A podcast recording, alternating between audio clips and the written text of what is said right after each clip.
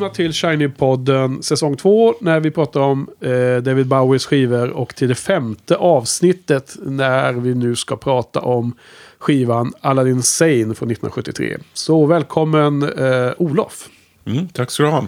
den ständiga medvärden Ja. till mig Henke här nu då. Ja, Aladdin Sane som var den första listettan.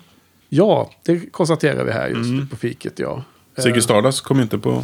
Vilken plats kom den på? Vad sa Ehm. du? 10 eller 17? Vad var det? Ja, Sigge sålde ju väl bra men den kom upp på um, som högst femte plats Femte. i England. Ja, det, är- det, Det är högt, Det, men- ja, det är högt. Ja, Men det är ändå... um, Mm. Eh, att vara eh, etta på en säljlista är ändå liksom en, en specifik Mm. bedrift. Men man kan väl säga att det var väl Sigge som la grunden till detta givetvis. Då. Mm. Så att i eh, USA var den på 21 plats, eh, Ziggy Stardust. Eh, Aladdin Sane då, skivan efter som du är inne på, med den eh, stora, mm, att Ziggy blev så populär så blir nästa skiva, säljs mer då. då. mm. Den var alltså då etta i USA och 17 i, eh, nej, etta i England och 17 plats i USA. Och femte plats i Sverige var den som bäst.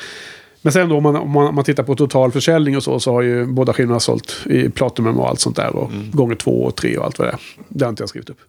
Okej, men eh, eh, förra eh, avsnittet då som, som gick förra veckan så avslutade vi det med att spekulera lite inför eh, hur det skulle vara att lyssna in sig på Aladdin Sane igen. Då, då. Hur, och du, var, du hade ganska ljumma förväntningar. Eh, Berätta, hur blev det med det? Eh, ja, det hade jag väl. Eh, som tur var så eh, är, blev det över förväntan. Det är alltid roligt. Ja, Mm. du gillar den här skivan? Ja, jag tycker den är jättebra. Ja. Eh, Jag vet inte varför jag tyckte att den inte var bra förut. Möjligt att det... Kanske för att den här Let's Spend the Night Together med som kanske jag inte tycker om så jättemycket. eh, I hans version då. Nej, Mm. det lustiga med det här med att det alltid är en coverlåt nu. Mm. Eh, och att det är ju då den här skivans cover som är på andra sidan en um, Rolling Stones-låt. Då. Mm, just det. Ja, jag kan bara säga att när jag hörde den här skivan första gången i den här under veckan som har gått. eh, så hade jag uh, fysiskt gåshud på armarna på, på flera av låtarna. Och, och det, var, det var precis så underbart som jag tänkte mig att det skulle vara. Mm. Jag fick nästan den här... att man transformerades i tid och rum. Mm. Eh, Den här känslan återkom från eh, somrarna på eh, slutet på 70-talet, början på 80-talet. Mm. Eh, du vet som man kan gå in i en eh, butik och känna en doft och så helt plötsligt så kommer man ihåg någon annanstans man har varit. Mm. Självklart. Precis på samma sätt kan ju musik eh, då Mm. trigga sådana minnen. Och, eh, och jag bara liksom, låt efter låt bara känner att det här är ju den bästa låten på skivan. eh, flera gånger om liksom. Ja. Så här, jag, jag, bara, jag tycker den här är svinbra, Mm. tyckte jag. Ja, det är bra att höra. Kul att höra. Ja. Ehm, hur, hur, hur bra var det för dig då, tycker du? Eh, Om jag, om jag säger svinbra. Svinbra. Ja. Det är ju... Det är här, skivan innehåller faktiskt den, en av de låtar som jag tycker sämst om hos Bowie. Jaha, vilken är det då? det är Gene Genie. Aha. Jag kan inte med den låten av någon anledning. Men vad är det som är problemet med det? Jag vet inte. Jag Nej. gillar den inte bara. Då ska vi alla som är inte Bowie-experter eller fans där ute säga att det är en av de mest spelade live-låtarna. Ja, ja precis. Det, det, det är lite intressant eh, för att eh, det är lite intressant att se vilka låtar som... eh, hur ofta... Han kan ju inte ha haft med dem på turnéerna innan givetvis. Men hur ofta han har haft med dem efter han har släppt en viss låt. Och Gene Gene är ju den som har med på flest procentuellt sett tror jag. Okej.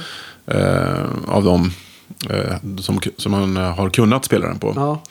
Sen finns det andra låtar också som, ja, vad ska man ta? Modern Love har också varit med väldigt ofta och sådana Ja. saker. Så att, Från 83. ja, precis. Men då, Genie var med på fler då, men Ja. ja. Ja. Jag förstår vad du menar. Mm. Ehm, och samtidigt så kom den ju väldigt tidigt i karriären. Han hade ju inte jättemånga stora turnéer före Sigge-skivan. Så att, så att han, den här är en av de allra mest spelade kan man då dra sig slutsatser Mm. Absolut. Mm. antagligen. Då då. Ehm, Dock så var det nog sista gången, eller han har spelat den väldigt få gånger efter 1990 tror jag. Aha, okej. Mm. Men det var ju då han skulle skippa alla sina bästa låtar. Ja. Eh, uppenbarligen tycker han själv att den här låten är väldigt bra. Ja, ja. ja vi, vi får återkomma lite mer. Jag Mm. har faktiskt kollat upp lite mer vad, vad den låten eh, har och döljer. Ja, så jag har lite jo, mer anekdoter på den. Ja, det låter bra. Ehm, skivan släpptes i alla fall på våren 1973. Mm. Och den är i alla fall 41 minuter. Så det är eh, hela två och en halv minuter mer än Ja. ja. Siggy. Men, ja, man Av väl- njutning. Ja, just det. Ja. Allt över 40 får man ändå säga är okej. Det är extra bonus. Ja, Ja. Här är det då tio låtar som har ja plats med. de Så är lite längre låtar. lite, lite längre. Ja. Mm. Och eh, det var ju du som highlightade det. Men jag kan säga det här i början då som lite generellt. Att det finns ju några av låtarna på den här skivan som han börjar sjunga lite annorlunda. Mm. Visst var det det du, du tänkte på? Du mejlade någonting. Eh, Alltså det finns låtar här Ja, som, det, som han uppenbarligen jackar upp sin sångkvalitet. Tycker jag. eh, då var det där jag skrev om att det är föraning om Diamond Dogs va? Ja, kan det vara. Nästa skiva, eller näst, eller, nästa eller, är var det väl det, eller var det musikaliskt du menar i första Jag menar nog i första musikaliskt, men det kanske är så eh, sångmässigt också. Nej, men då, då är det två olika saker. Mm. Du, du spanar på att det musikaliskt fanns bryggor från Mm. All Insane till Diamond Dogs. Det tycker jag. Mm. Eh, emellan de här två skivorna så kom ju en till skiva på hösten 73 som var en covers-skiva. Mm. Som du först sa att vi inte skulle ha med på podden. men den, jag tycker vi ska ha med den på podden. Nej, men så sa jag inte. Nej, det är så. Du sa att vi bara skulle ha den som lite extra material. Ja, just det. Ja. Precis. Nej, men vi ska ha ett eget po- poddavsnitt för det här då. Eh, Pin-Ups heter ju den skivan. Mm. Eh, och den kommer ju nästa gång. Men sen kommer ju Diamond Dogs. Och jag har alltid liksom sett eh, Aladdin Sane och Diamond Dogs att höra ihop i någon mening. Alltså de gör ju inte det. Men för mig har det alltid varit på två olika sidor på det här kassettbandet och sådär. Som alltid hört ihop i mitt huvud. Och eh, om du då identifierar eh, Time och eh, Lady Grinning Soul som eh, musikaliskt brygga in till, nästa, till den skivan håller jag helt med om, absolut. Eh, vad jag tänker på är att båda de låtarna också har eh, sång performance som är helt överlägsen jämfört med Hunky Dory Ziggy Stardust-skivorna. Faktiskt, av Bowie själv. Men då får vi komma till det också då, försöka klippa in rätt bitar av låtarna där han brölar på som bäst. Eh, den spelades in i januari 1973. Ja. Mitt under brinnande turné, eller vad man ska kalla det för. Alltså, under Siggy-turnén alltså, va? Eller hur? Mm, den här Sigge-turnén, det är ju väldigt imponerande tycker jag. Eh, startade då i juni 72. Och höll på ungefär ett år då, till juli 1973. Ja. Och under den tiden så hann han, alltså det var en, kon, kon, eh, en eh, konstant turné mer eller mindre. Vissa Ja. avbrott då, men inte månadslånga avbrott utan... Nej. Liksom, Alltså när de bytte från Nordamerika till Europa. Ja, till så, sådana där saker. Och, Och, så, Asien och ja, sånt. så, ja. vissa ledigheter då förstås. Kanske, men. Och där ly- lyckas han trycka in och spela in det här albumet också då. ja. Eh, så att, Aladdin Sane. ja. Ja. Alltså, jag tycker det är helt, just den här perioden den är helt otrolig. eh, Om man räknar in från starten av inspelningen av Sigger och i början av, uh, slutet av 71. Och så till slutet här då, av ehm, juli 73. Ja. Alltså, och på tal om... ehm, det här hör ihop, alltså det är Sigge, personen är ju med, gör ju båda skivorna. Mm.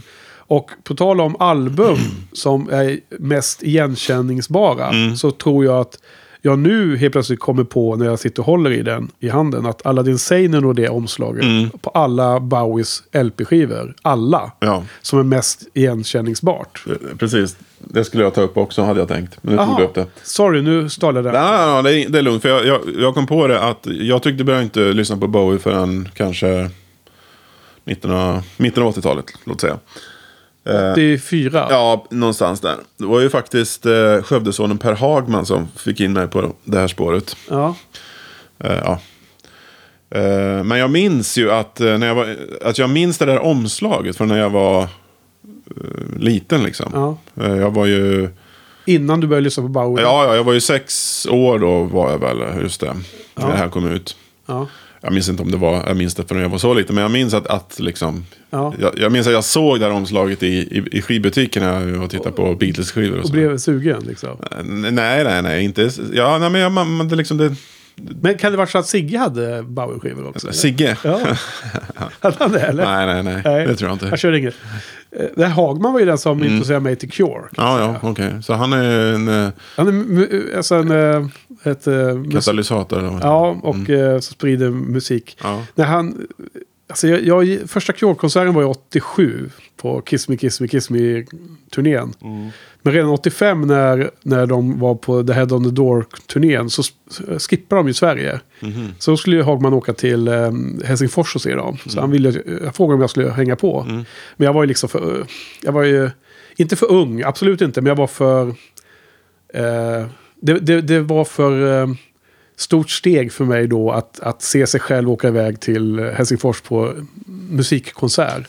Liksom som en utflykt. Eh, det, var, det kändes konstigt. Så Ja. det, det blev nej där. Ja. Fasen himla synd. Men var han, åkte han dit då? Jag trodde han åkte dit, ja. Själv. Ja. Eller jag vet att han gjorde det, ska jag säga. ja. VD var inte med då? Nej, jag tror inte det faktiskt. Ehm, men i alla fall, Bowies uh, Aladdin Sane-omslag är ju hans um, Ziggy Stardust med den här uh, ehm, blixten målad i ansiktet. Och uh, det här röda håret. Kort, Hyfsat kortklippt, det är lite längre i nacken men sen uh, står det lite upp på toppen av huvudet. Alltså jag tycker det här omslaget är det, ett av de absolut bästa skivomslagen. Ja, Någonsin. Ett omslag kan vara bra. Ja.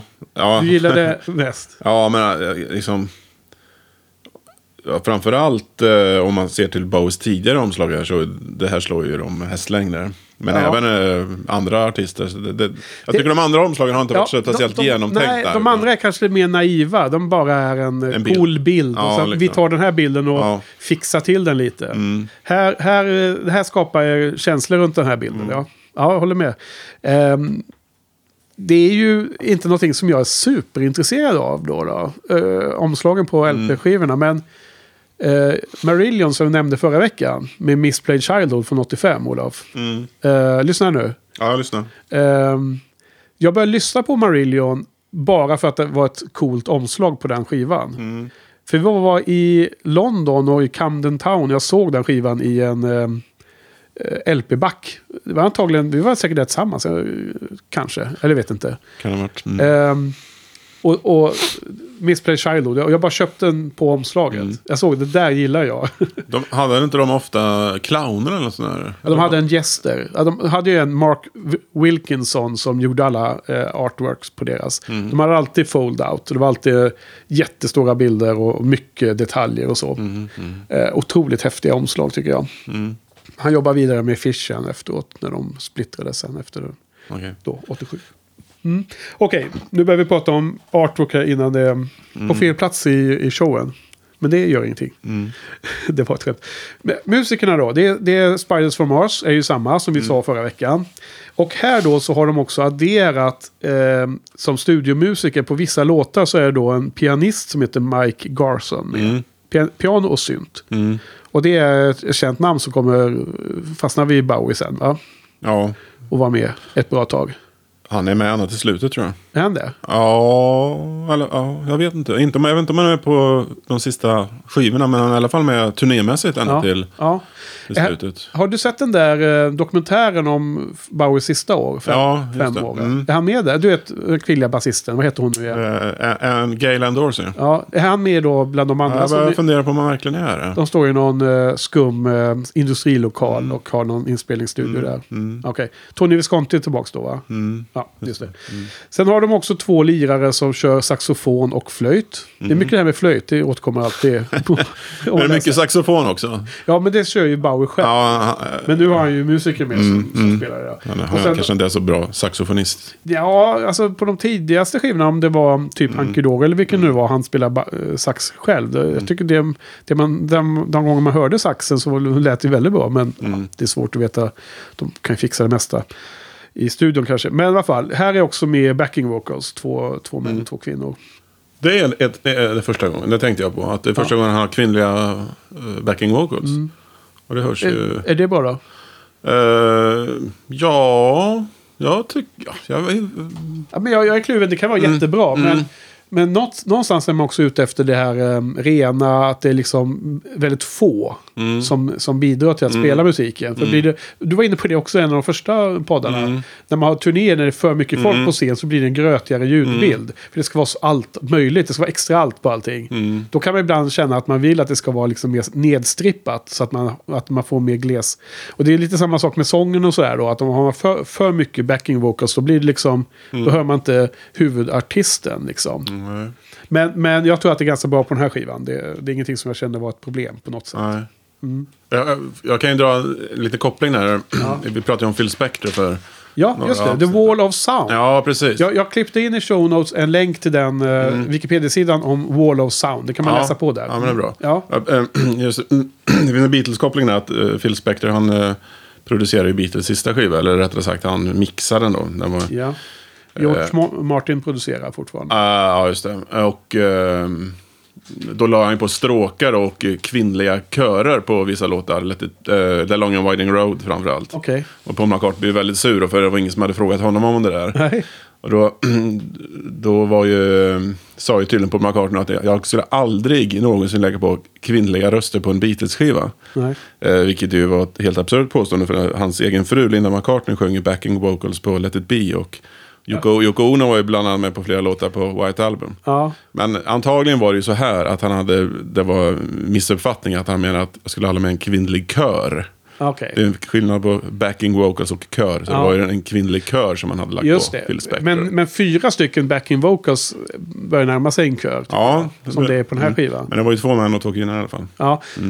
Jo, jo, men det var inte så viktigt med vilket kön då. Utan det var mer Nej. att det stör ljudbilden. Ju. ja, okej. Att det liksom är... eh, Jag menar i kör så är en, en eh, backing vocals i form av en kör. Det är liksom, då är det körmusik. Mm. Jag vill ha en... Jag vill ha en lead artist liksom, som, som sjunger Mm. Ehm, Ja, för de tidiga skivorna så var ju Bowie, hade ju själv, gjorde själv backing vocals. I alla fall på vissa låtar hörde jag ju. Det är ju Bowie själv som är i bakgrunden liksom. ja, okej.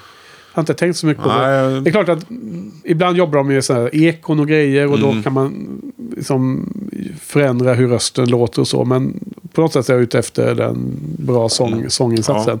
Vad heter det? Vilken är Long and Winding Road? Är den från Let it be? Eller? den är från Let it be då. Ja, Mm. ja, och just det. Och där finns ju den bra sena, nyligen utgåva med liksom Raw eller vad den Mm. heter. Naked Bear, heter den. eller Naked heter den. Mm. Där har de tagit bort allt som är här, producerad mambo jambo som kommer i efterhand eller? Ja, typ så. Däremot så har de ju klippt ihop versioner så att det är ju det är liksom bara... Alltså man får inte helt... Nej, alltså Rena det är, versioner. det är liksom bullshit ändå av det. De har ju Det är fått stark... super, superproducerat ändå. Ja, det har fått stark kritik för det där att det bara är bogus. Ja. Det där. Man skulle vilja ha tagning 7 av den låten och tagning 1 av någon låt. Mm. Precis, men nu har de klippt ihop tagning 1 och tagning 7 för att få den optimala tagningen. men, men utan då äh, orkester, Mm. äh, kör, Ja, äh, ekon eller annat. Ja. Hur var det med den där Can't Buy Me Love har väl en otroligt bra tidig tagning som inte togs med på skivan. Mm. Som är mycket poppigare, mycket, poppar upp mycket mer. Ja, Vilken är det? Tagning 4 eller sånt där? ja det, tagning 1 tror jag.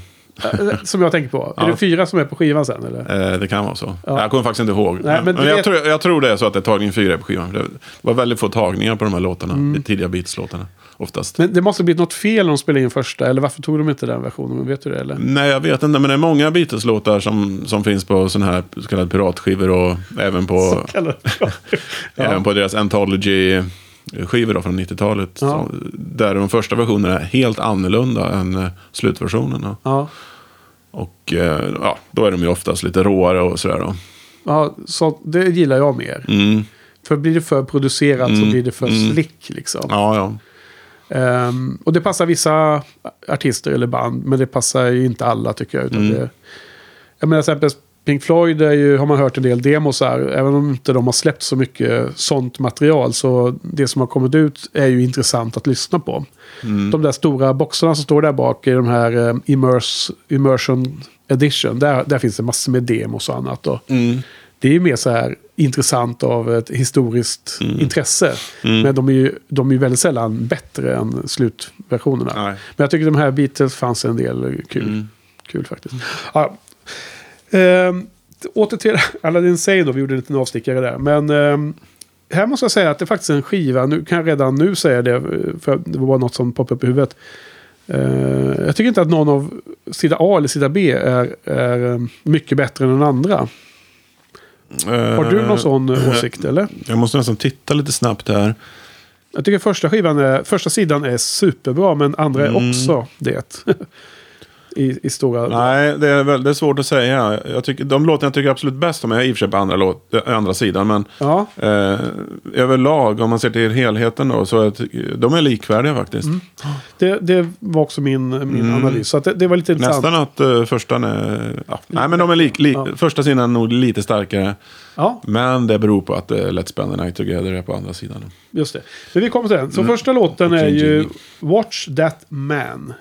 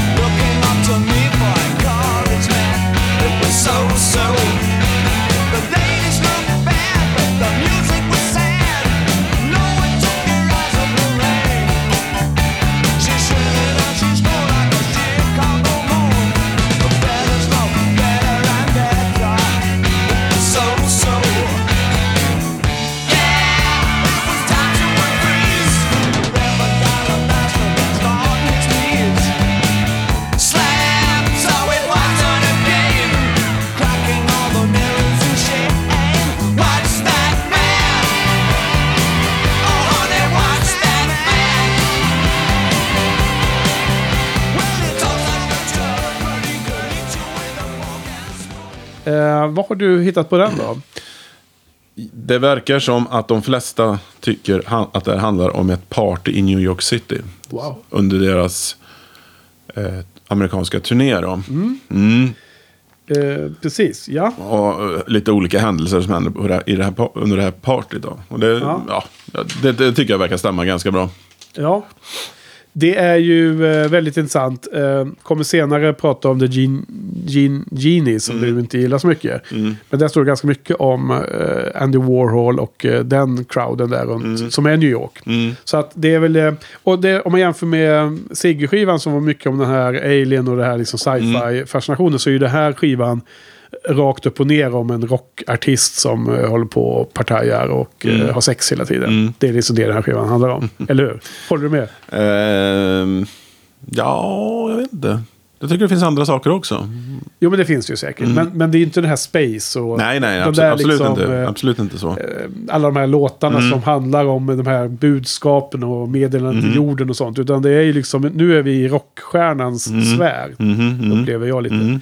Ja, eh, jag, jag tycker den låten är, eh, som sagt, jag fick rysningar, jag fick... Eh, Vad hette det? Håret ställde sig upp på armarna faktiskt när jag hörde den här eh, första gången i, i många genomlyssningar nu. Sen så är det ju inte den, den starkaste låten på skivan, men det var just att återbesöka hela albumet genom... Då är det ju introlåten som man först, så att säga, eh, utsätts för. Så att Ja.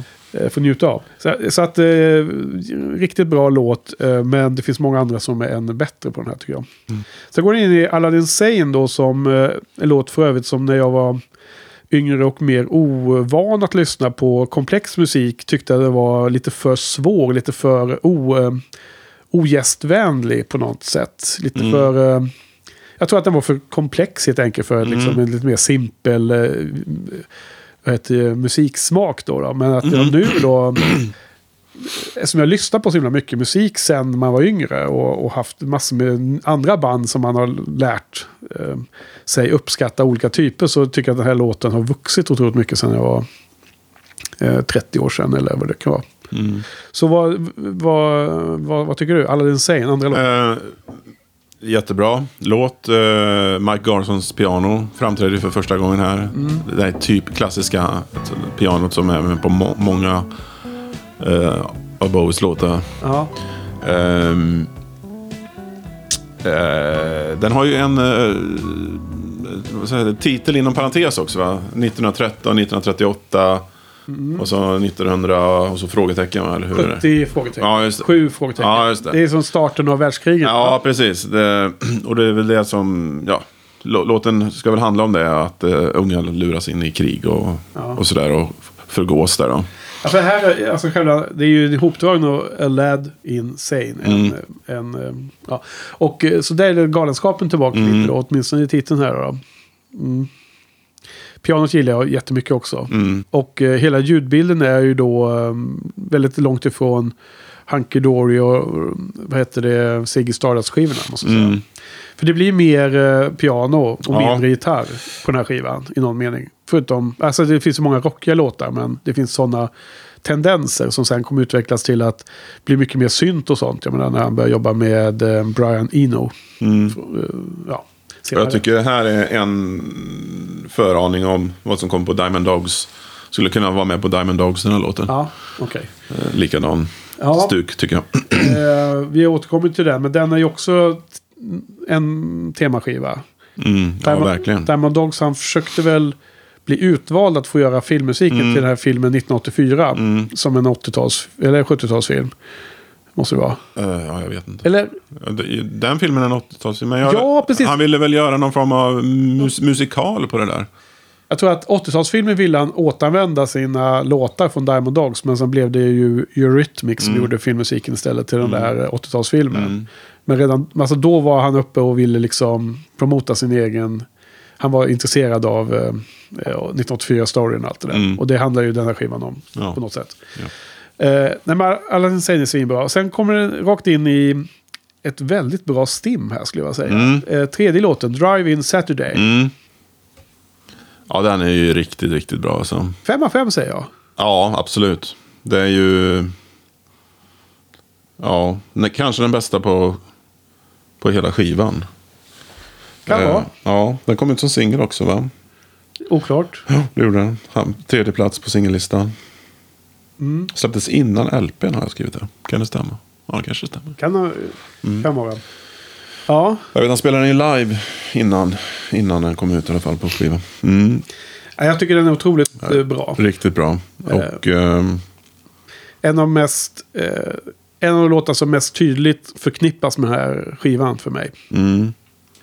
Ja, eh, det är ofta man läser om folk som har trott att eh, han sjunger liksom en viss eh, line. Liksom.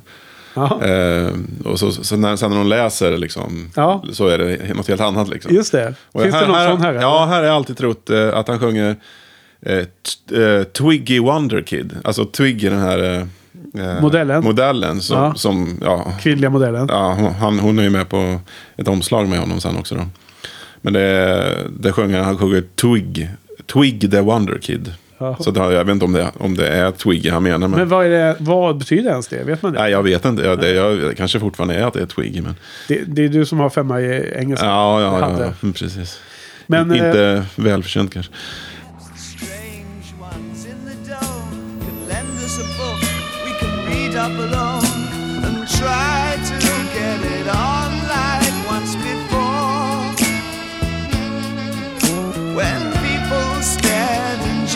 side.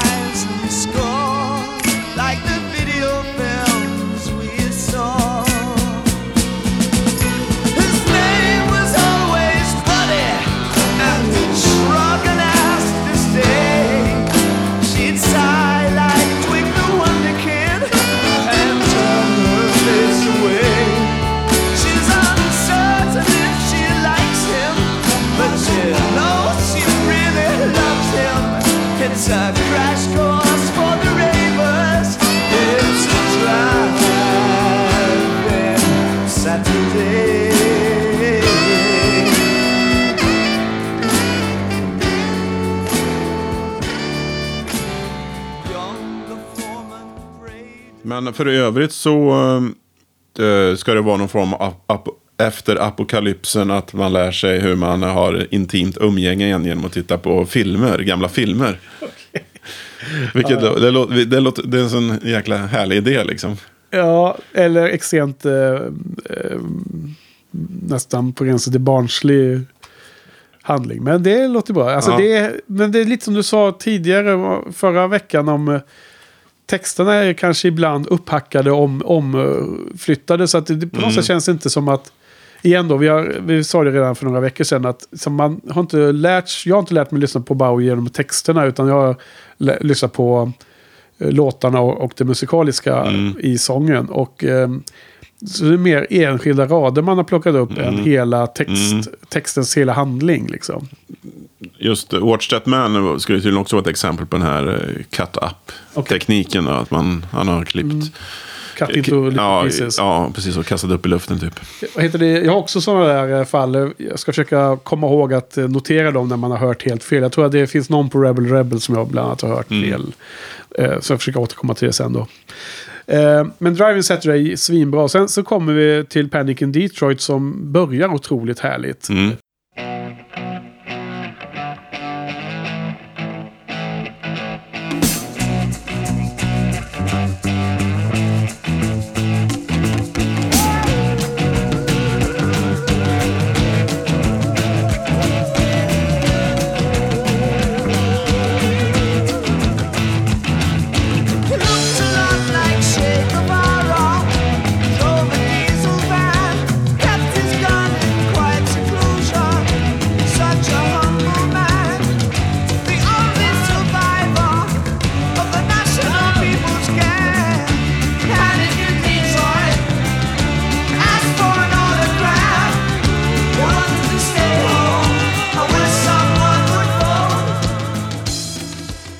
Är den då nästan lika bra. Men den, den kommer inte upp i samma höjd som eh, Driving Saturday tycker jag. Ehm, och där är det, det är jäkligt lustig eh, beskrivning av, av den låten som jag har skrivit upp här. Eh, det, det är som en paranoid descendant, alltså ättling till The Motor Citys eh, earlier masterpiece från Martha and the Vandellas. Den här låten Nowhere to Run. Eh, alltså Motor City är ju eh, Detroit för övrigt. Eh, och sen då Martha and the Vandellas är ju ett sånt gammalt namn som man känner igen även om inte det är musik jag lyssnar på. Men Nowhere to Run är ju däremot väldigt be- bekant med den låten. Känn, vet du vilken låt det är? Nej, ingen aning. Eh, filmen The Warriors från 1979. Det är en underbar film. Underbar film. Ja. Fem av fem film. Ja. Och jag tycker den är helt suverän. Och det är en av de filmerna när man ser om nu som mycket mer eh, erfaren filmtittare. Eh, Mm. Den faktiskt håller och är liksom typ ännu bättre än när man kommer ihåg den. Mm. Exempel, eh, vissa av de här gamla favoriterna från när vi såg film tidigt 80-tal. De, de håller inte längre liksom. Mm. Typ, ja, ska vi ta ett exempel som inte är... Nej, jag kommer inte på något bra. Jag vill inte hänga ut någon av våra gamla favoriter. Men Road Warrior klarar sig också. Den är ju också svinbra. Eh, Jag, jag tror till exempel att Flykten från New York är okej, men den är inte alls lika... Den, den har inte äh, åldrats lika väl om man säger så. Även om den har sina... The Thing poäng. såg jag häromdagen. Ja, men den håller ju. Ja.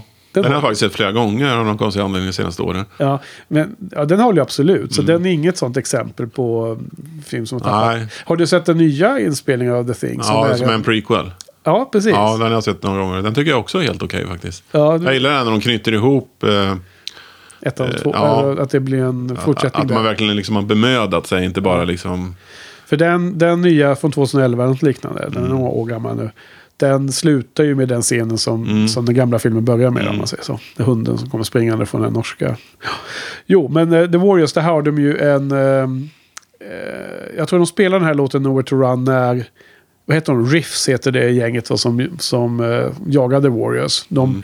Har ju en egen radiostation, det är den största gänget ju. Och sen så spelar de den här låten. Till, så alla andra gäng ute i staden förstår att det är Warriors man ska Mm. jaga nu. För att de, de tillgänglar, till, tillgäng, vad heter det? Tillägna. tillägnar den här låten till The Warriors just. Ehm, ja, det är i alla fall lustigt. Sen då, han, han, han namedroppar ju en hel del vänsterorienterade kändisar i den här låten. Che Guevara, Mm. Eh, som, som eh, de flesta känner till, men också John Sinclair of the White Panther Party. Och det tänker jag, det borde ju du reagera på. För det har Ja, väl, det borde jag ha gjort. Jag hörde inte det. Eh, Eh, precis. John Lennon skrev en låt som heter John Sinclair. ja, med på den här New York-skivan. Ja. Vad heter den? Sometime in New York City. Ja. katastrofal. Nej men det är väl studio på ena Ja. LPn och live på andra va? Ja, ja, Något sånt. ja. ja med, live med bland annat Frank Zappa. ja. Men är inte den ganska Nej, den är, alltså, det är en fruktansvärd skiva. Ja. Det, äh, det, jag pratade ju om att han förstörde sin karriär. Och det var ju med den skivan han förstörde sin karriär tyvärr. Ja, för, Det var en ja, väldigt, väldigt politisk skiva då.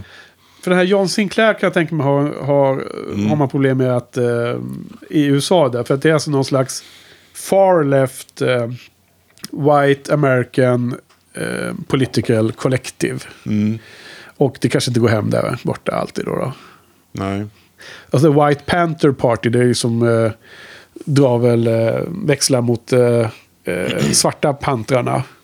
Och eh, politisk organisation för de svartas rättigheter. Grejen var väl att han fick 10 for 2. Att han fick 10 års fängelse för two joints eller någonting i den stilen. John Sinclair? Ja, men jag tror han blev frikänd sen Ja, i och för sig. Men okej. eh, det var det som var...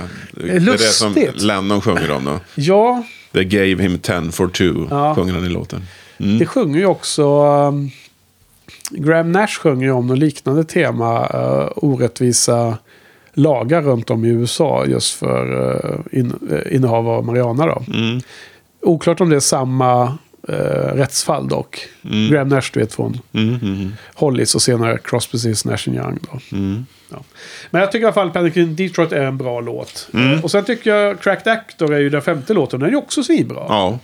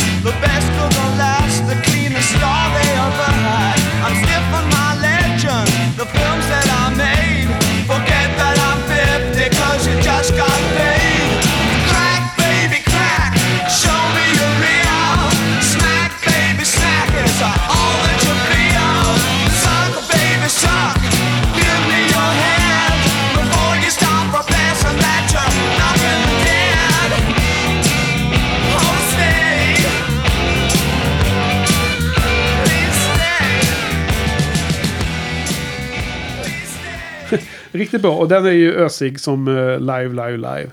Mm. Vad, vad, vad kan man säga om den då? Har du någonting på den? Eh, ja, alltså typ uh, föredetting. Uh, alltså en skådespelare, skådespelare 50-årig skådespelare kanske. Oj då. Som, uh, End of life. ja, precis. som är, går till en prostituerad tror jag. Eh, det, det här är ganska sån här eh, vågad eh, text va? Är det inte så? Jaha. Uh, suck baby suck, eh, give me your head. Oj, vad kan det betyda? Ja. Berätta. Nej, jag vet inte. Nej, oklart. Ingen aning. Ja. Eh, ja. Ja. Här är också en sån här felhörning. Okej. Eh, dock inte som jag, utan jag läste om en felhörning. Ja. Alltså, som någon annan hade. Att, ehm, ska vi se vad, vad, vad han sjunger då. Bo. Ja, han sjunger ju eh, Because you just got paid. Mm. Alltså, du, ja, typ, du ska göra som jag vill bara för att du fick betalt precis. Men eh, då hade den här personen hört Because you just got laid. Ja. Och det, det är ju lite annorlunda betydelse då. Väldigt stor skillnad. Mm. Och, eh, men det låter ju som att det i och för sig handlar om en annan yrkesgrupp än en gammal avdankad skådespelare. Ja, men ja, det är ju... Han kan- är hos, en, hos den här andra yrkesgruppen. Ja, okej. För annars kan ju också Har anlitat den andra eh, yrkesgruppen. nöjesdamerna eh, på något sätt kan man se det som actors också. Mm. Mm. Ja, så, Till stor del. visst. Ja, eh, men, nej, men den har absolut eh, lite mer raunchy. Mm. Raunchy eller vad man säger på engelska om eh, med den texten. Det, det är lite samma tema på nästa, alltså för det är ju slutet på scen A då. Ja? Och jag tycker scen A är svinbra. Mm. Ja. Eh, om något så är den starkare än andra sidan, men jag tycker också andra sidan är bra. Och om vi kommer in på den då så har ju den också fem låtar och den börjar med låten Time. En låt som du redan har nämnt skulle kunna passa in på Diamond Dogs, rent musikaliskt. Och det han sjunger tycker jag är väldigt, väldigt bra. Eh, det är alltså, den har beskrivits som eh, eh, burlesk vamp. Eh, jämförs med eh, lite mer så kabarémusik från Jacques Brel eller Bertolt Brecht. Mm. Står där. Eh, han har i den här eh, eh, texten så har han bland annat en line som han sjunger Times, he flexes like a whore, falls wanking to the floor. Och det här släppte de igenom i, i, i USA från skivbolaget RCA. Inga problem, för de visste inte vad wanking var, var för något. Så det brittiska ordet för något, någonting som man kan göra. Eh, så, så, det, så det var också lite mer eh, Ja, naughty, men det, det fattar inte dumma jänkarna. Eh, men men eh, det är väl inte bara om det, det handlar ju... Alltså time handlar ju om tiden och tiden som tar slut och att folk, man dör och så vidare. Han, han beskriver det ganska poetiskt på, på olika sätt som har lyfts upp i en sån här textanalys jag läste. Alltså dels att tiden är ju en predator, en, en, eh, som ett rovdjur. Då. He's waiting in the wings, beskrivs den.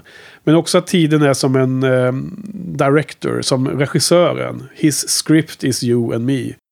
Time, he's waiting in the wings. He speaks of senseless things. His script is you and me. Boy, time, he flexes like a whore, falls wanking to the floor. His trick is you and me.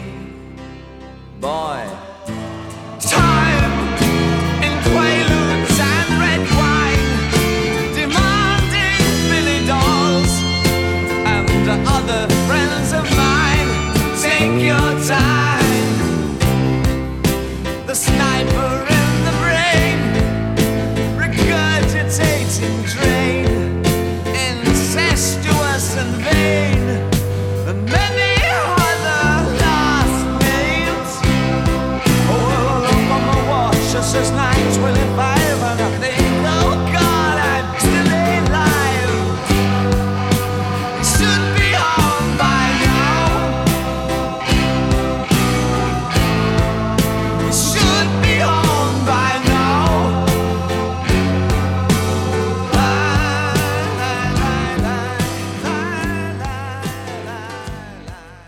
Sätt nästan så att man gör en... eh, Man tänker sig vidare liksom. Du vet, eh, jager döden. eh, Kommer och hämtar en liksom.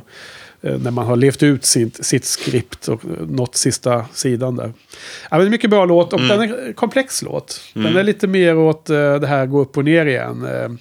Eh, Ja. eh, Den är också ganska lång men den här är inte för, för lång. Det är inte en av de här långa du ogillar. Nej, nej, det här är, jag tycker den bästa låten på hela skivan. Ja, ja. Det, fem av fem har jag skrivit här. Ja, och eh, jag fick också den här eh, gåshuden som du pratade om här när jag hörde den här låten. Och då, direkt var jag tvungen att avsluta lyssningen av den här skivan och eh, rigga upp eh, 1987 års extra nummer.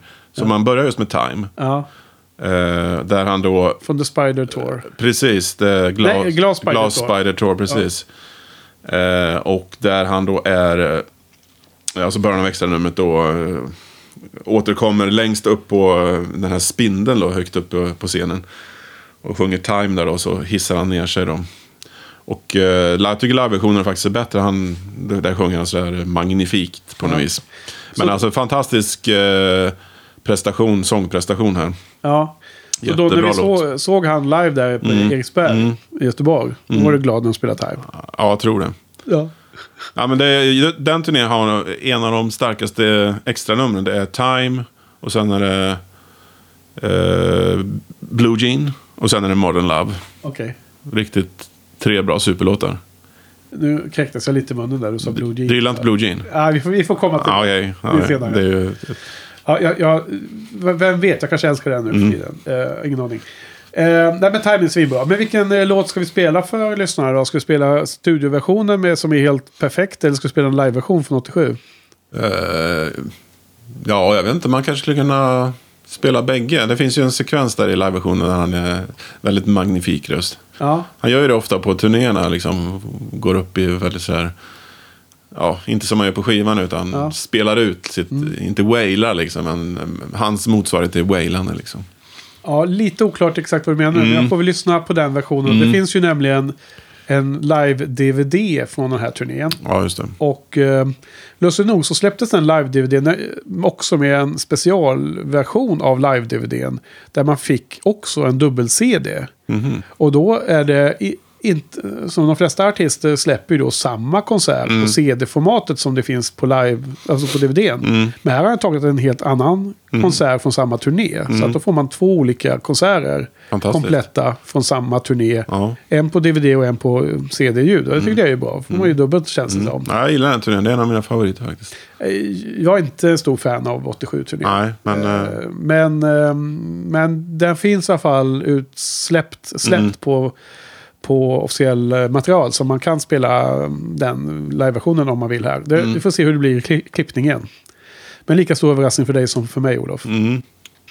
Okej, vi går vidare då. Ja, får jag säga en sak? Ja, ja, ja, Här, förra, inte förra avsnittet, men jag tror för två avsnitt sedan. Du pratade om eh, Magnus Uggla. Ja, Och det här låten tycker jag påminner väldigt mycket om Magnus Uggla. absolut. Den, och det tänkte jag också på faktiskt när jag hörde på den här skivan idag på lunchen. Mm. Sista genomlyssningen innan poddningen faktiskt. Är att den påminner extremt mycket en viss sekvens i skivan Livets Teater tror jag det är. Mm. kan vara samma som du tänkt på, eller? Vet du det? Ja, jag kommer inte att tänka, men det var liksom precis, det var det här soundet som var precis som Uggla på de här tidiga Uggla-skivorna. Ja. För det är någonstans när det blir som en paus. Mm, just det. Det blir väldigt glest och sen blir det en liten paus och sen kommer han eh, med en liksom sjunger Ja, hårt. precis. precis. Den, den typen av... Ja. Mm.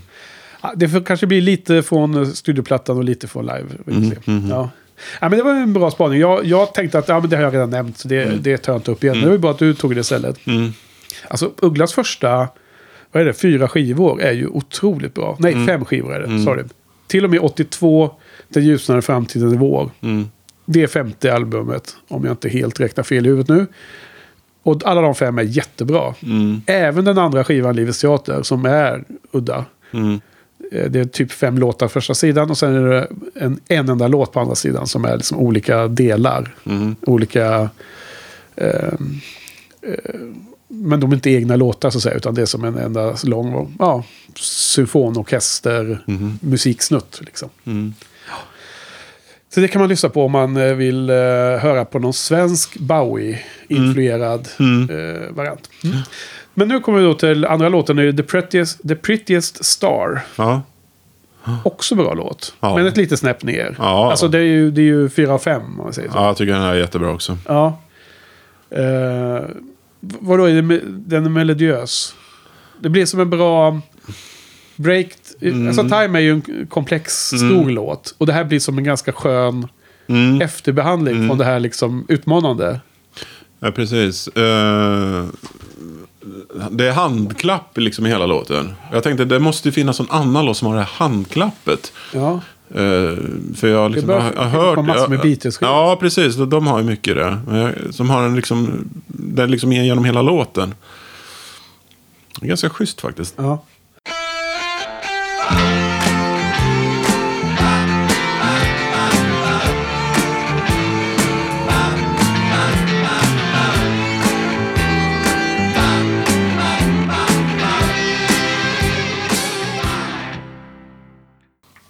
Det, det är kanske inte så jättemycket mer att säga om den, eller? Ja, det handlar väl... eh, Det är en kärlekslåt, handlar om hans fru tror jag. Okej. Vad jag har läst. Är han fortfarande, han sitter fortfarande med, med frun på, på soffan nu? Eh, Den här jag vet tiden, inte. Eh, Jag vet inte. Nej. Faktiskt. Men... eh, Vad, vad hette hon? Angie. Och Nej, men det var inte den första frun, eller? Jo. Var det? Nej, kan- nej, inte den första. Han var väl gift. Men det var ju den som han gifte sig med när han satt i soffan 1970 i alla fall. Är, är det hon som heter Angie? Ja. Okej. Eh, Men han, han kallar henne för... Ja, jag vet inte om det var Star eller... Ja, eh, Star tror jag. Mm, Okej, Mm. Okej, vi kanske har anledning att återkomma till henne i, kommande, i framtiden. Det har vi. I kommande poddar. Definitivt. Ehm, ja, men jag håller med, den är skön. Det är hand, handklappslåten, får vi kalla den från. Mm. Sen kommer då tredje låten av fem på andra sidan. Och här har vi då... Eh, vi kan kraftigt ifrågasätta hans... Eh, eh, vad heter det? Omdöme. Mm.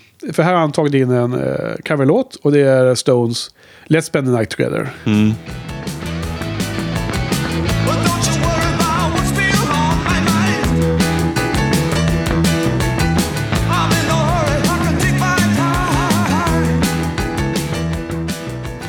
Jag gillar den inte. Nej. Alltså den är inte helt usel. För han Nej. sjunger okej och sådär. Eller? Ja, men han betonar ju helt annorlunda än Stones gör. Och det, det är väl inte så konstigt. Det är en cover. Han ska, han ska kanske inte kopiera den. Men Ja. Han sjunger Men lätt. vad är poängen att ha med den? Jag, jag vet inte, men han spelar den ju live också mycket. Kan det vara så att han Nej, spelar... inte mycket väl? Nej, nej, men alltså under den turnén spelar han ju. Ja, det är inte mycket. Gjorde han det? Ja, jag tror han är med på Ziggy Stardust. Eller har jag fel nu kanske? Ja, alltså, jag känner inte igen att jag har hört den här live ens. Alltså jag har alltid tolkat Men, det här men, som men, att... men det, det kan säkert vara med. Du, du tänker på den här uh, slutet på 73-turnén. Mm. Eller Sigge-turnén i slutet där. Jag har tolkat eh, dess Ja. inslag på den här LPn som att de spelade den live. Och hade kanske brist på material för LPn. Och då lägger man med, ja vi kör, vi kör ju den Ja, live så kan vi He- helt gärna- klart. Den är precis som du säger. Jag tog fram här nu um, Ziggy Stardust and the, the Motion Picture Soundtrack Mm. från den sista konserten från den där turnén. Och den är ju med där i slutet. Mm. Ehm, den där skivan kanske vi också har poddavsnitt någon gång i framtiden om va? Då får vi lyssna in oss på de låtarna helt ordentligt. Ja men vad säger du nu? Att de inte hade material så räckte? Det låter helt absurt. Ja, men alltså ibland är det ju så. Ja. Jag vet inte om det stämmer i det här fallet. Om man ser, då kan man ju se till vad släppte han för singlar och så. Då var det ju singlar då från LPn då. Så att eh, Ja. Fanns ju inte någonting att ta heller. Alltså, det är inte så konstigt att, han inte har material tycker jag. För att han är ute på turné. Uh, Beatles var ju också tvungna att göra sådana här grejer ibland när de varit ute på turné och, och de skulle ge ut en LP på, hade tre månader på sig liksom i, till julhandeln då. De, 1964 var ju så. De var ju tvungna att ta sex coverlåtar helt plötsligt för de hade inte material tillräckligt. För de var tvungna att matcha jul. Mm. Okej. Det här är rena spekulationer. Kommersialismen. Ja, precis. Ja. Ja, vilket fall som helst. Eller så vill Bowie bara ha med en cover jämt Nej, men, ständigt. det, han, det är väl kanske runt den här eran han börjar bli polare med, Mm. med Mick Jagger, vad vet jag. De hängde väl ihop ganska mycket och partaja har man förstått. Mm. Gjorde de ja, inte det? Jag vet inte. Ja, men det, den där eh, anekdoten som vi ska komma till på senare Mm, skiva mm. eh, bygger väl på just att de är polare. Mm. Liksom. Ja, det är som jag har fattat det som. Mm. Man måste väl köpa någon slags eh, sån här eh, jättestor bok som går igenom hela alla Bowies, eh, alla, eh, så hela hans liv och alla stories här bakom kulisserna vad som fanns. Men du, eh, vi, vi skippar den låten. Ja, vi gör Eh, det. Jag tycker, eh, han sjunger okej, men jag tycker att själva... Jag ska bara säga en sista sak då, efter att just sagt att vi ska skippa den. Men själva mix, alltså, mm, versionen av låten är också jättekonstig. Mm. Med någon synt där eller vad det är som används. Alltså det, då kan du åtminstone ha gjort det som en eh, rocklåt rakt upp och ner kan man Mm. tycka. Ja, han har något konstigt avslut också som inte alls är med på Rolling Stones. Eh, I alla fall. Nej, men nu, nu, nu skippar vi den. Ja. Eh, Då kommer vi in på eh, fjärde låten av fem på andra sidan. The Gene Genie. Eller hur talar man det här Olof? Du som... ja, jag säger Gene Genie. Alltså Gene är ju ett förnamn. Men Genie är ju också anden i flaskan. Mm. Men är det här ett efternamn eller är det något annat? Jag har ingen aning. Nej. Jag har i och för sig läst på lite här vad, vad han har tagit det här namnet på. Men jag undrar ändå vad den här, den här skrivningen betyder. Mm. Eh, jag tycker den här låten är bra. Eh, jag tycker den är bra live. Jag tycker inte att den är fem av fem eller skivans bästa låt. Men, men du ogillar den. Ja, Men, men kan utveckla mer? nej jag vet inte. Jag, jag, Förutom att det var en känsla. den finns ju i en annan lugnare version också. Som Ja. från, eh, från 1974 och bland annat. Ja. Eh, Det det är nog den jag har hakat upp mig på lite. ja alltså, för det är inte lika bra där. Nej, och så, så, är- men jag tycker inte den här rockversionen är bra heller. Jag, jag vet inte, jag, jag, jag kan liksom... Okej. Jag, jag, jag, kan inte förklara det. Nej. Jag vet att det låter Men det konstigt. blir ju så ibland. Man har ju vissa låtar som man bara inte eh, klarar av. Liksom. Mm. Eh, det här är lite lustigt då. Alltså, han har, det är många kul grejer runt den här då. då. Eh, det är så att han var imponerad av någon fransk författare som heter Jean Genet. Mhm. Jean, precis som Jean här. Mm. Och sen eh, efternamnet G-E-N-E-T. Mhm. Hur det nu uttalas på franska. Men det är ju närbesläktat med låtnamnet. Mm. Och det är någon, eh, författare som han var hypad över. Som, levde mellan 1910 och dog på 80-talet. Mm.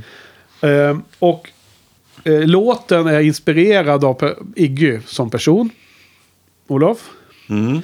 Och eh, Jo, men det såg jag också någonstans. Och mycket inspirerad också av den här tjejen som han hängde med.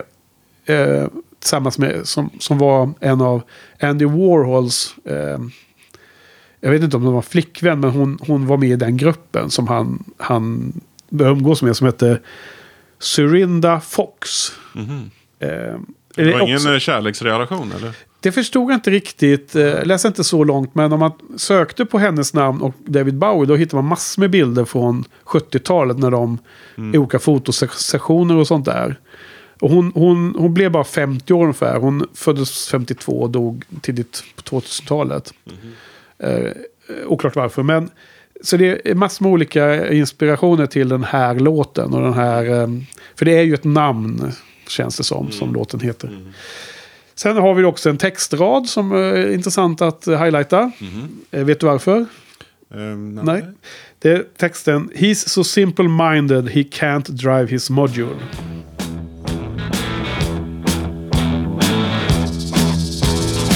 So simple-minded, he can't drive his module. Lights on the neon and sleeps in a capsule. Loves to belong.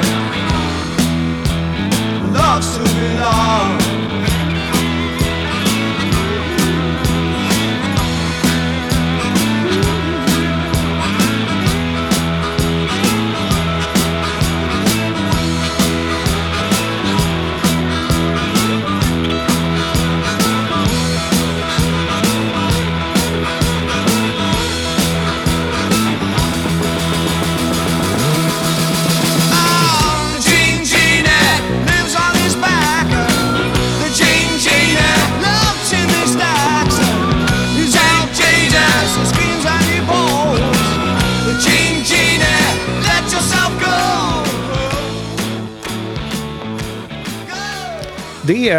Därifrån som uh, skottarna, Simple Minds, har tagit sitt eh, bandnamn från. Det är från eh, The Gene Genie-låten. Bowies låt. Så Simple Minds är ju... eh, jag gillar ju dem också. Framförallt deras tidigare skivor. Jag tycker eh, någonstans runt 84-85 så blir de lite för smöriga och lite för... eh, det kantiga och det spännande i, i deras skivor försvann lite. Men de är ju superstora. Alltså de har ju sålt... Eh, vad var det? 70 miljoner album och sånt där om jag kommer ihåg rätt. Men Spelar de fortfarande? Ja, de håller på fortfarande. Men de är liksom... De är inte lika stora. De har nog passerat toppen när det gäller stora arenor som de spelar live på. Och de kör så här liksom akustiska konserter och sånt där. Liksom lite som... Ja, de, de är väl på baksidan av sin karriärs eh, berg. Liksom. Men de kör vidare. toppen. Ja. Nej, men jag gillar. Jag, jag, jag har aldrig förstått det där att man ska sluta när man är på topp. Det har jag aldrig förstått. Varför ska man göra det för?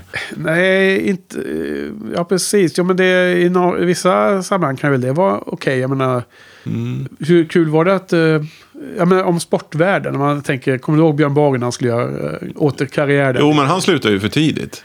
Ja. Han kunde ju fortsätta många år till. Han var ju på sin topp. Och sen så skulle han komma tillbaka efteråt och vara sämre än vad han kunde ha varit. Jo, jo, men han kom... Och det var ju inget härligt. Nej, men det var ju... Han gjorde ett stort uppehåll. Liksom. Jo, det kanske... Men det är lustigt att du pratar om Björn Borg. För jag tänkte precis ta upp Ingemar Stenmark som fortsatte jättelänge. Ja. Eh, långt efter sin topp då.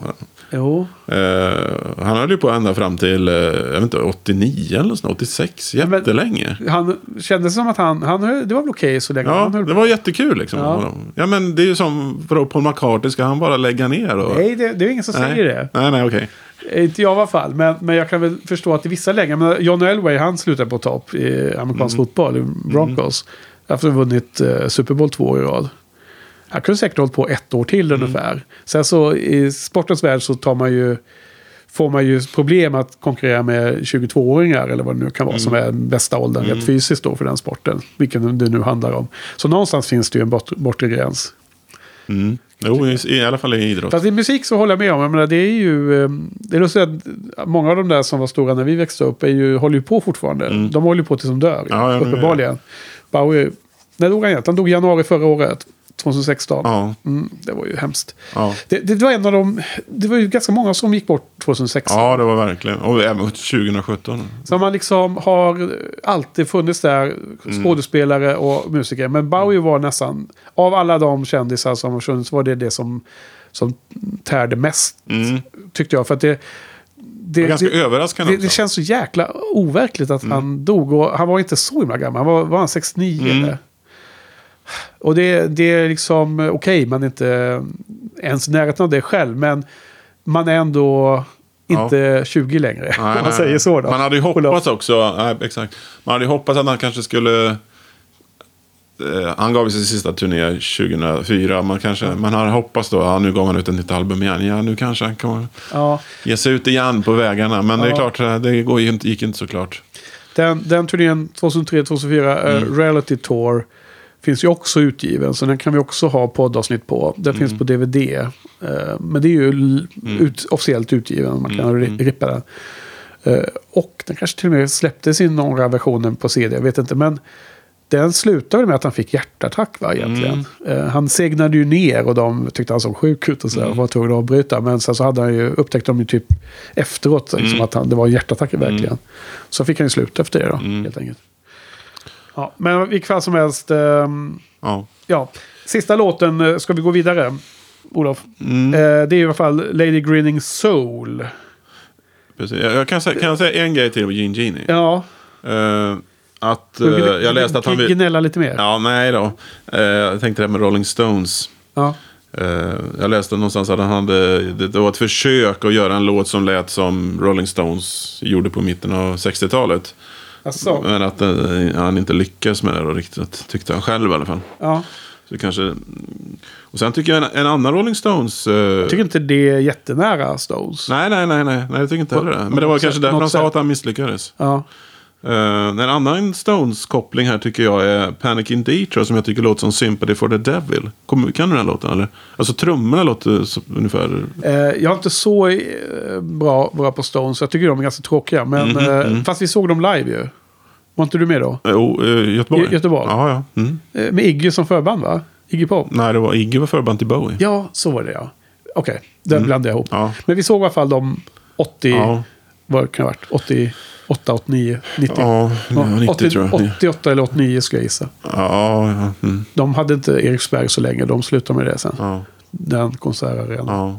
Okej, men, men eh, nej, så jag kan inte direkt en uh, Sympathy for the Devil. Men det är väl en av de bra låtarna. En av de, de som är okej, ganska bra ändå. Mm. Um, Painted Black är väl också en av dem som de har. Och så. Eh, så Och det du, finns många bra låtar. tr- trummisar, ja men du gillar ju dem mer. Mm. Så att du måste ju säga så. Mm. Ja, så är det. Ehm, nej. Trumljudet lite grann. om. det, det får Ja. eh, musikkännarna eh, ta in och eh, behandla din info där. Mm. Jag Det kanske, är, jag det kanske är revolutionerande Ja, information ja, kommer. det kanske ändrar hela musikhistorien. kan vara så. Ehm, Lady Greening Soul, och sista låten på den här skivan, Mm. är ju en låt som, eh, precis som The Bewlay Brothers, överraskar mig för att vara så bra som jag inte hade tänkt på att den här var en väldigt bra låt Mm. som avslutar skivan. En, en låt som man ofta nästan kanske inte ens lyssnar klart skivan, bara Nej, man, man tyckte att nu var bara den låten kvar. Ja. Men här är liksom, tror jag, till och med bättre än Time, sångrösten. Sångframträdandet är ju eh, bäst på hela den här skivan. Och eh, låter inte lika bra som Time i övrigt då. då. Men eh, det är alltså fyra, en fyra plus till och Ja, med. riktigt, riktigt bra gitarr från Mick Ronson. Mick Ronson. Precis. Ja.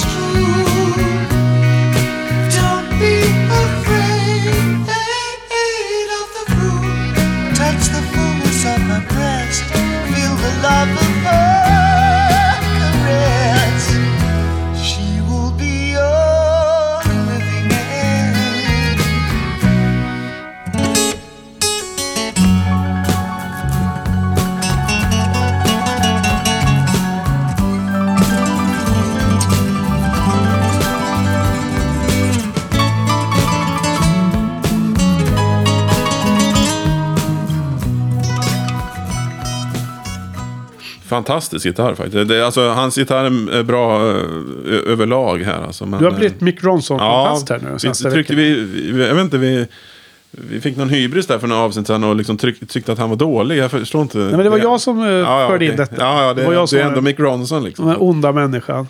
Han för övrigt också dog ju för tidigt. Han dog ju på 90-talet i cancer. Han var väldigt ung. Han var inte, jag tror inte ens han var 40. Nej, jag- Var han så ung tänkte jag när jag läste om det. Mm, men det var han. Ja. Ehm, han har ju betytt jättemycket antagligen för Bowie. Då, men, Mm. ja. Det är sista LPn han är med på. ja, Tror jag. är det? Om han inte är med på Diamond Dogs på något spår Ja. kanske. Han är antagligen med på pinup skulle vi visa. Ja, ja, jo, pinups. Ja. Men, ja. Som, som vi sa tidigare, pinups är kanske ingen riktig, riktig LP egentligen. Nej, kanske inte. Eh, Eftersom det är bara covers. Mm. Men, eh, eh, nej, men den är bara jättebra. Mm. Har du något mer på den eller? Ja, så det var ju då... ehm, ja, alltså det, det, det handlar väl om en kvinna som liksom spelar med ditt hjärta på något vis. Ja, Eh, den, olycklig kärlek eh, kanske. Eller man, om en man som blir helt liksom besatt en kvinna. Men som, du, eh, där kvinnan bara liksom leker med honom. Typ. vi borde kolla upp det här nu, men vet du när han, eh, han skiljer sig från Angie? Det tror jag är långt senare. Alltså det är inte i samband med det här. Nej, nej, nej. Utan Så, så att han... han 80-talet tror jag. Okej, för vissa skivor blir ju sådana här liksom... Mm, ehm, en, eh, beskriver en, en resa som Mm, hänt i mm, privatlivet som kan kopplas då. mm. Eh, något jobbigt, eh, uppbrott och liknande. Mm, men det, Ja. det är inte det man ska göra kopplingen här då. Inte, nej, jag tror inte det.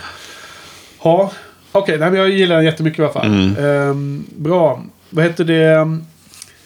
Ehm, om jag skulle ta en annan grej, Olof. Mm. Ehm, för, för två veckor sedan så nämnde jag att jag hade kollat upp lite olika rankingar på nätet på olika webbsidor. Ja. Och då har jag kollat upp eh, hur, hur Siggy och Aladdin Sane-skivorna har placerat sig. Vill du höra lite? Ja, det är intressant. Eh, för dels hade vi den här 2013 hade ju Rolling Stone, den här kända tidningen, en sån Readers Poll. Ja, Eller poll, eller vad heter det? Re- Readers Poll. ja. En ehm, eh, eh, läs, läsarundersökning. Mm. Och på den listan, som bara var topp 10 för övrigt då, så att alla de vi går igenom kommer inte finnas med på den. Men Siggy etta Mm. bland eh, Rolling Stones läsare och Aladdin Sane sexa. Mm. Sen har vi några olika eh, webbsidor som jag har kollat. Eh, en som heter Consequences of Sound som gjorde det här i januari i år, 2017. Sigge 1, Aladdin Sane 13. Mm. En annan eh, webbsida som heter Ultimate Classic Rock som gjorde det här i samband med att Bowie tragiskt gick bort i januari 2016. Hade Sigge som trea och Aladdin Sane sexa. Mm. Och lite andra placeringar. Sigge 4, Aladdin 9 på en annan sajt. Sen Sigge 2 och Aladdin 4. Mm. Så att det här är ju verkligen, eh, om man ska liksom låta de här sidorna bli en representant för någon slags, eh, vad gemen, eh, alltså vad majoritet kanske ute bland musikälskare så är ju det här två, eh, Siggy är liksom ofta topp tre, Mm. fyra. Och Alain Sane är allt som oftast i medel topp 10. Mm. Och eh, du var ju så klockren på ditt eh, slutgiltiga betyg på um, Siggy. Vad, vad säger du om Aladdin Sane då? Hur, hur, Mm. hur eh, den i din värld? Ja, inte lika högt som Siggy, som ju var 10 som sagt. Men jag tycker den är bättre än Hunky Dory. Ja. Så det är en 8 för mig. 8 Okej. av 10. Mm.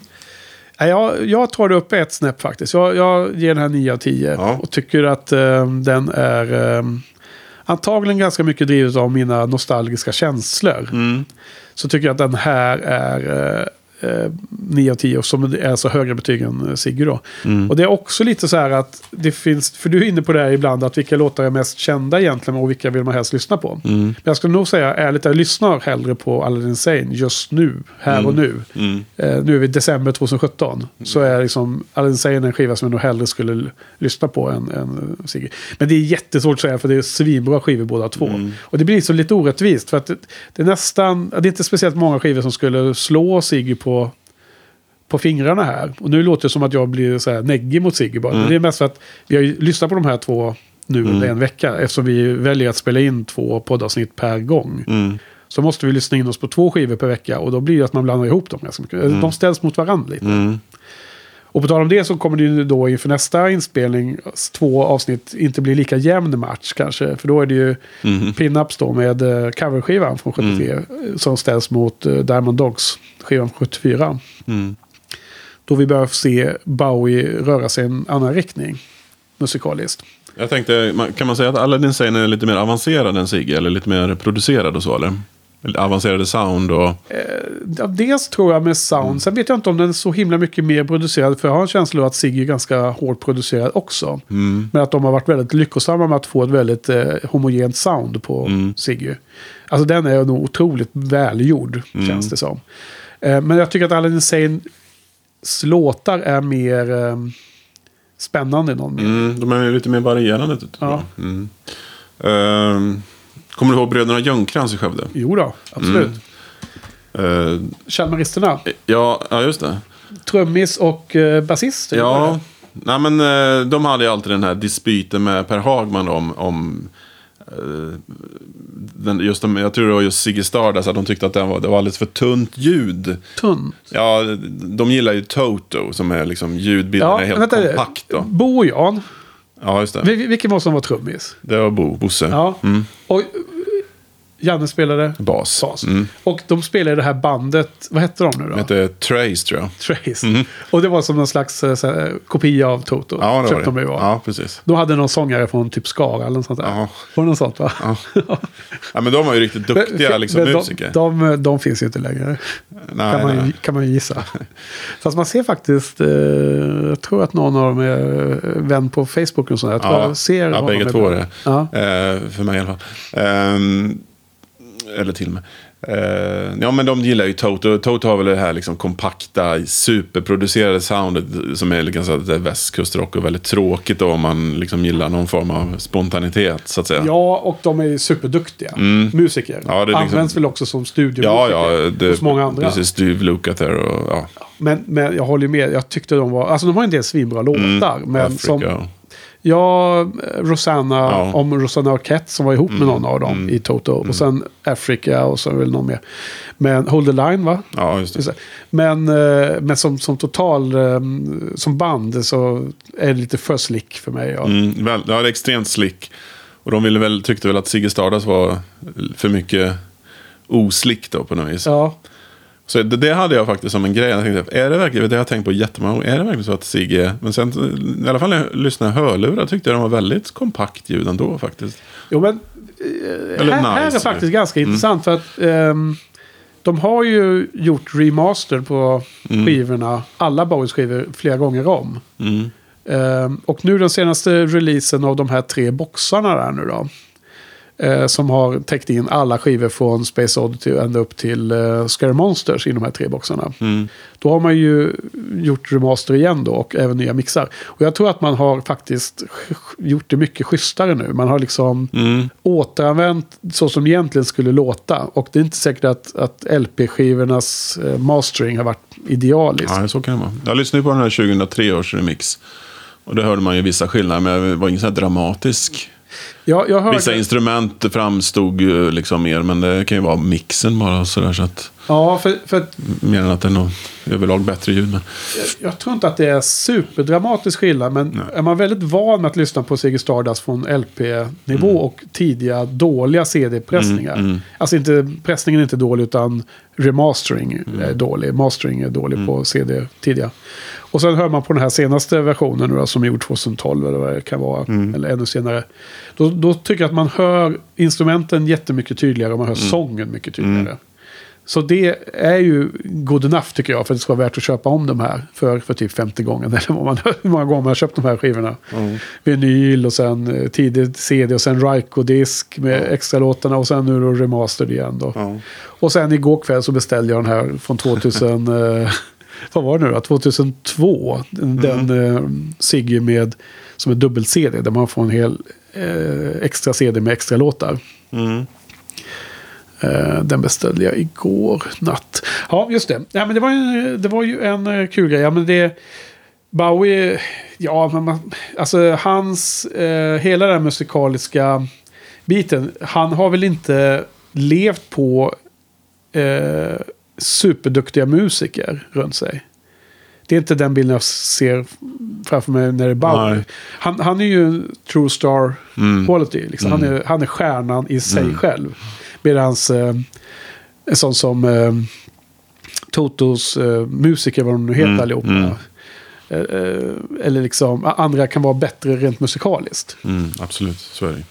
Eh, gammal klassisk diskussion. Ja. Nej, men så det är många grupper som är så. Jag vet inte, Rolling Stones är väl inga supermusiker och Be- Beatles var definitivt inte det. Ja, det är liksom karisma, Mm. personlighet, det är um, true star quality som kommer Ja. fram på scenen. Precis. Ja. Världsartister. Ja, okej, just det. Ja, men du, eh, då har vi av, avhandlat det också och vi har redan... Jag tänkte säga, det finns, vi pratade lite grann om eh, låtar vid sidan om lite grann. Då. Ja. John Only- Dancing. Ja, den, den, den kanske ligger mellan Ziggy och eller och- Men eh, här är det ju, tycker jag, den här... Eh, eh, vad heter den nu? Som är med på bonusserien här. Eh, All the Young Dudes. Ja, Som den släpptes nog aldrig då. Han gav väl bort den låten tror jag. Mm. alltså Bowie skrev den och gav den till Mott, Mott the Mott-. Ja, precis. Kompis. Men den är ju riktigt bra, den låten, tycker jag. Mm. Och den körde han ju sen själv live. Ja, sen, precis. Sen har på senare år så har ju en studioinspelning av Ja. Bowie som kanske är någon typ av demoversion Ja, ungefär. precis. Jo, men jag minns att den fanns ju på piratskiva Ja. hela tiden. Liksom. Ja.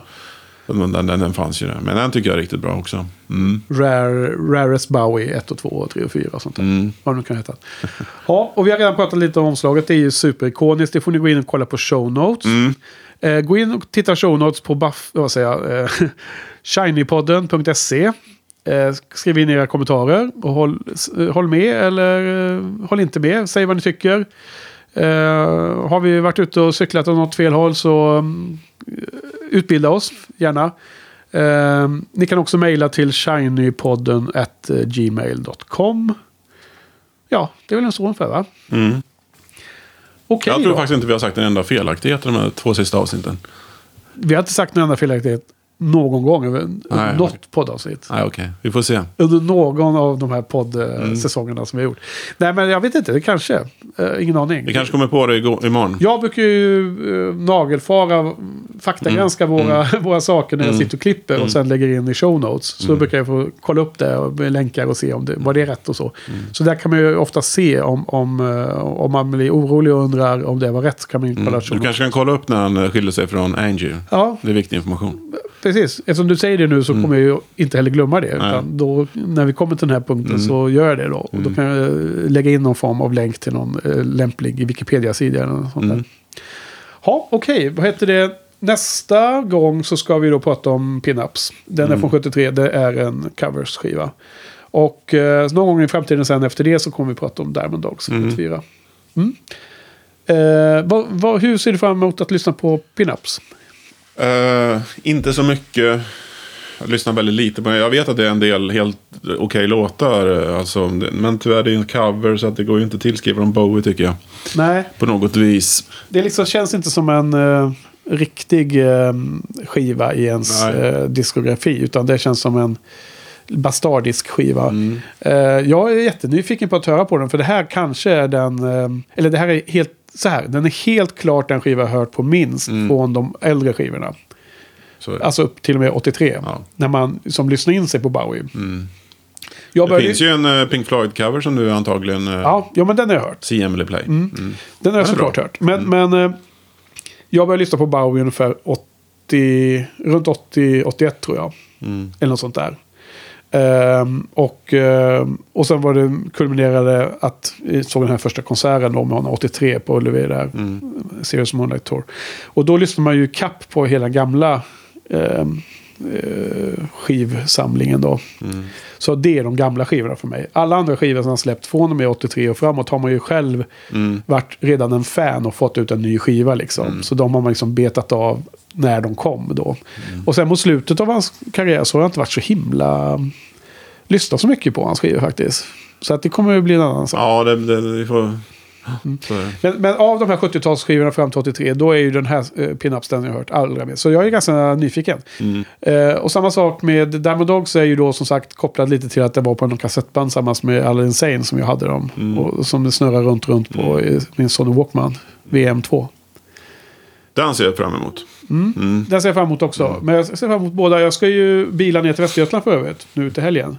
Tillsammans, på vägen ner i alla fall tillsammans med svågern ska vi åka ner. Då ska jag ehm, lyssna igenom båda skivorna. Då, det får han höra på då. Okej. får åka med i bilen så får han höra Bauer också. Ja. Så vi ska ner till eh, eh, Moholm. Ja. Är det. Ha, Okej då. Men Ja. du, då tackar vi för idag. Så hörs vi nästa vecka. Så, tack Olof. ja, tack Henrik. Bye bye. Hej.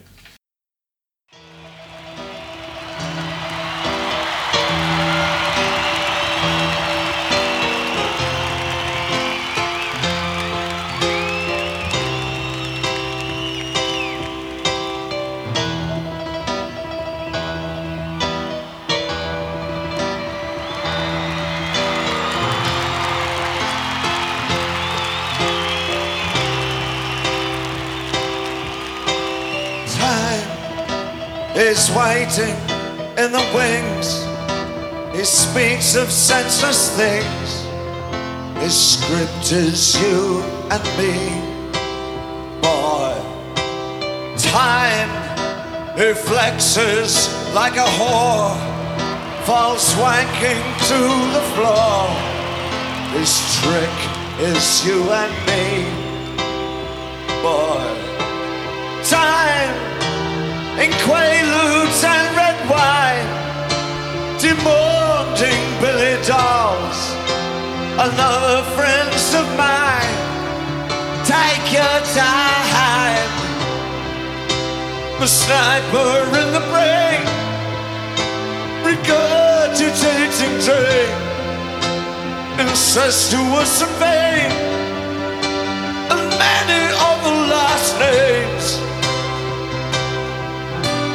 I look at my watch, says 9.25. I think, oh God, still alive.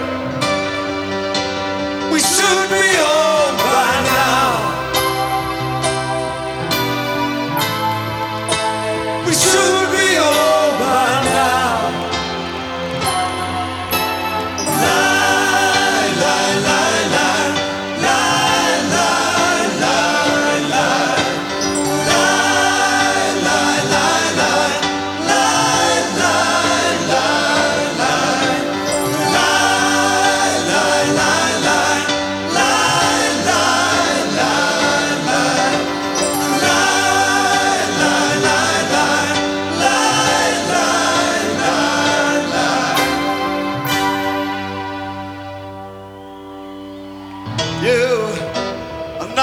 not. You just scream with boredom. You are not afflicting time.